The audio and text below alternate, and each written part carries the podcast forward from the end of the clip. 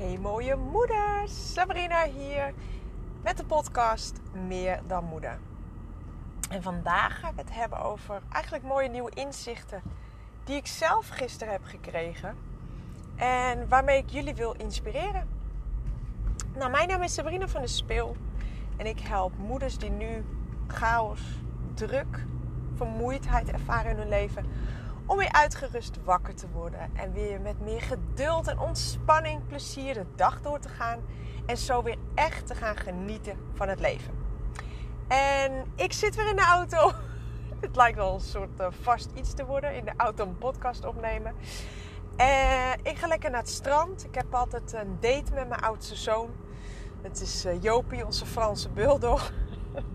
en dan gaan we altijd lekker met z'n tweetjes um, gaan we naar het strand toe in Wijkerzee. En dan ga ik daar altijd bij Timbuktu de allerlekkerste cappuccino drinken. En dat is echt mijn ultieme verwenmomentje. Heerlijk. Uh, de meiden zijn lekker bij oma aan het logeren. Gisteren waren ze een nachtje aan het, uh, aan het slapen. En die ga ik straks lekker ophalen en daar gezellig eten. Um, nou, waar ik het over wilde hebben. Um, in mijn coaching trajecten is eigenlijk, nou ja, wat ik noem uh, ja, het, het, het, mooiste onderdeel. Dat vind ik zelf. Um, en waarom vind ik dat het mooiste? Omdat er zoveel gebeurt als ik zo'n sessie doe met iemand anders. Um, dat is een sessie waarmee ik uh, in ga tunen op het onderbewustzijn van iemand anders. En we gaan door middel van techniek gaan mij uh, heel diep ontspannen. En leid ik ze eigenlijk uh, door middel van vragen, door een bepaald proces heen. Waardoor we kijken van wat zit er in jouw onderbewustzijn. Waardoor jij de dingen doet zoals je ze doet en die je graag anders zou willen hebben. Waar loop je aan? Waar loop je tegenaan in je leven? En vooral, hoe zie jij jezelf? Dus welke beperkende overtuigingen heb jij nog over jezelf, over alle vlakken van jouw leven?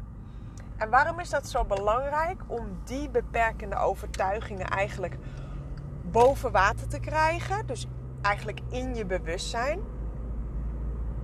En op te ruimen. Waarom is dat nou zo belangrijk? Nou, dat is zo belangrijk omdat jouw overtuigingen bepalen hoe jij in de wereld staat, hoe, jou, hoe jij de wereld ziet en hoe jouw leven eruit ziet. Jouw overtuigingen, die zijn zeg maar, die bepalen door welke bril jij de wereld ziet. Als jij beperkende overtuigingen hebt dat je niet goed genoeg bent of niet slim genoeg bent, ja, dan zul jij altijd situaties, mensen, ervaringen krijgen in jouw realiteit die jou doen spiegelen dat je niet slim genoeg bent. Dat je niet goed genoeg bent. En daarom bepaalt dat jouw realiteit.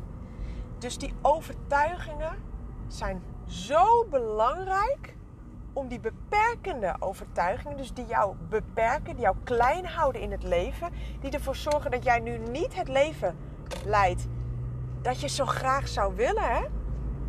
om die te gaan verwijderen. En daarvoor bekrachtigen, mooi, bekrachtigende Jezus.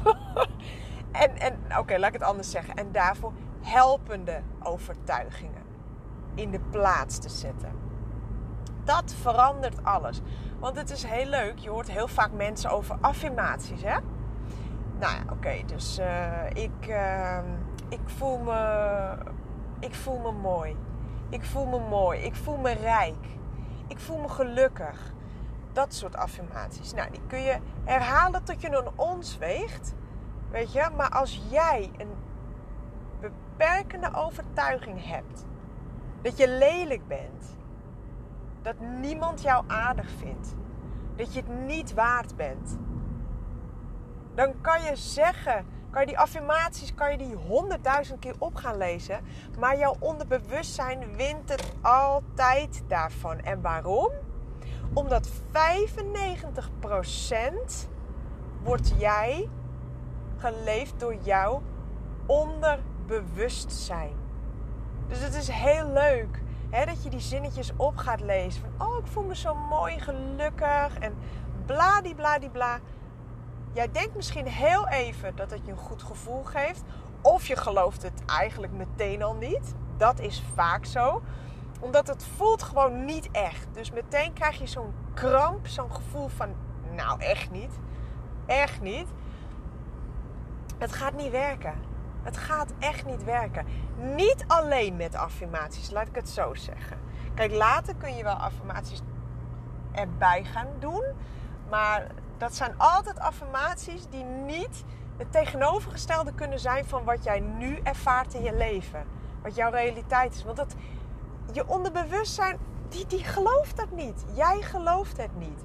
Dus ga je het niet aannemen. Ga je het niet overnemen. Dus wat ik altijd uh, doe met mijn één uh, op één klanten die in het uh, drie maanden traject zitten, gaan wij online of offline, ga ik dus met hun dat onderbewustzijn opruimen. Dus wat zit er allemaal wat jij in jouw jeugd hebt aangenomen als jouw waarheid, wat nu nog steeds jouw realiteit bepaalt?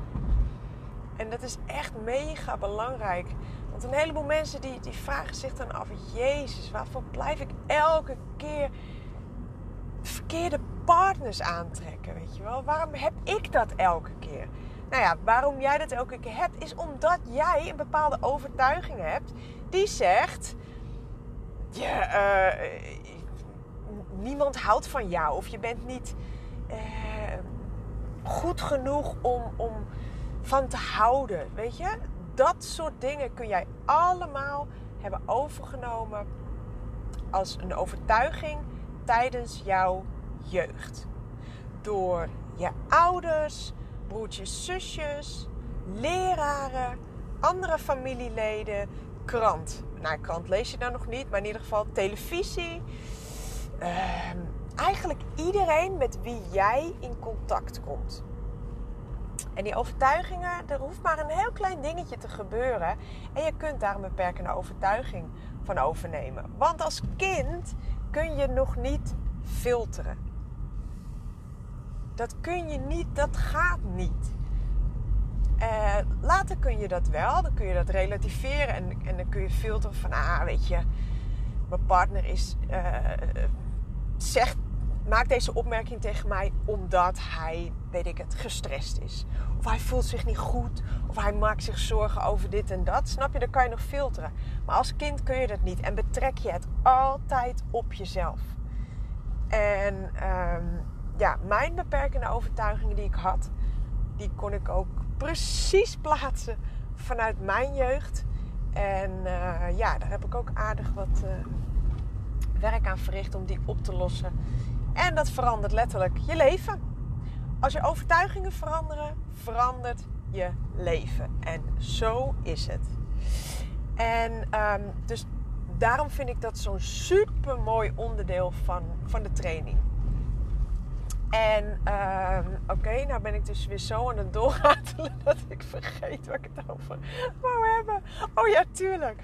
Nou, en um, toen ik met, met die hele reis van persoonlijke ontwikkeling uh, bezig ging.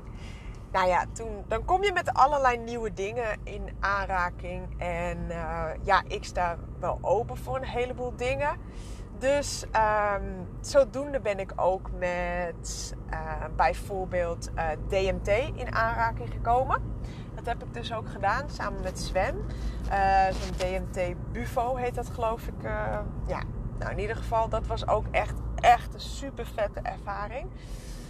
Um, ik heb een tijdje geleden ayahuasca gedaan. Ik heb altijd geroepen, nou, dat vind ik echt helemaal niks voor mij. Een beetje zo van die hippies die om zo'n vuurtje rennen.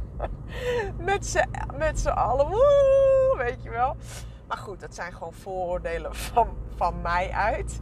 Um, maar ik heb het gedaan. En uh, nou goed, daar ga ik een andere keer wel even. Dat is, dat is al een hele podcast op zich, die ervaring. Maar toen ik uh, bij haar dat had gedaan, toen kwam zij dus ook met het. Uh, uh, met het onderdeel adem. De ademcirkel, zo, zo noemt zij dat. En dat zijn dus ademsessies. En uh, nou ja, dat, dat heb ik geprobeerd. Is het anderhalve maand geleden of zo heb ik dat gedaan. Ja, dat was echt, ook echt een super mooie ervaring. En gisteren ben ik dus in mijn eentje geweest naar zo'n ademcirkel. En toen heb ik wel weer echt even wat moois uh, meegemaakt. Dat, uh, uh, nou ja, echt weer dingen los kunnen laten. En zo leer je altijd, elke dag. En een van de dingen die naar voren kwam was. Terwijl ik bezig was met die ademsessie, is een bepaalde manier van ademen kwam zij achter mij staan en ze pakte mijn schouders en ze drukte mijn schouders naar beneden. En eigenlijk meteen kreeg ik het inzicht van waarom doe je zo je best? Waarom wil je het zo goed doen? Je hoeft niet zo je best te doen, Sabrina. En dat was zo mooi. Want door dat besef, door dat inzicht, kon ik meteen die oude overtuiging loslaten. En het voelde zoveel lichter. En zo kom je elke keer weer achter dingen dat je denkt: wauw, echt wauw. En ja, weet je, ik, ik doe dit. Dus dit zijn ook onder andere hetzelfde resultaat kun je hebben als wat ik dus één op één doe.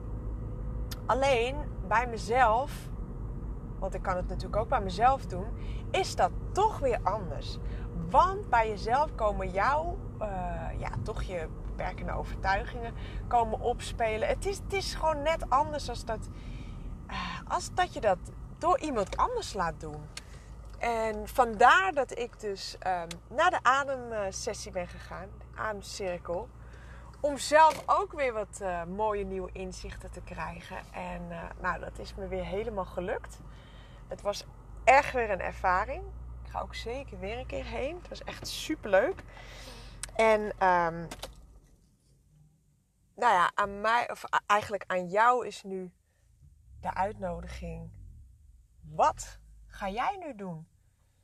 Ga eens goed kijken in jouw leven. Wat zijn de dingen die continu op blijven spelen? Welke dingen blijven zich herhalen?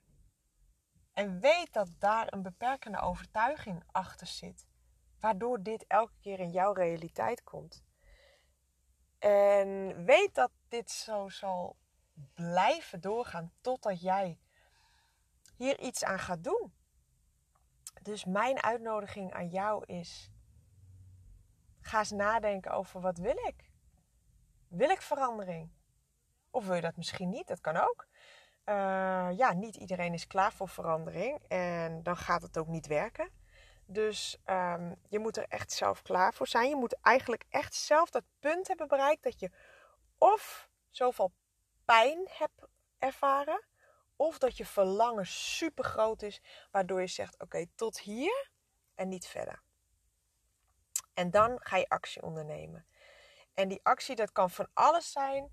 Je kunt contact met mij opnemen uh, om te kijken wat voor mogelijkheden. Uh, nou, ik heb een online training die ik, uh, die ik heb. Uh, tien weken duurt die. En ik heb een één op één coaching traject die je online en offline kunt volgen. Drie maanden duurt die. En daarin wordt ook alles, alles aangepakt. En je kunt op mijn website lezen wat voor mooie ervaringen andere moeders hebben gehad met dit traject. En ja, ik, ik vind het echt nog steeds, nog steeds, elke keer dat ik denk: wauw, wat super mooi dat dit zo kan gebeuren tijdens één sessie. Echt zo super mooi. Ik heb moeders gehad die heel vaak hoofdpijn, migraine hadden, gewoon weg.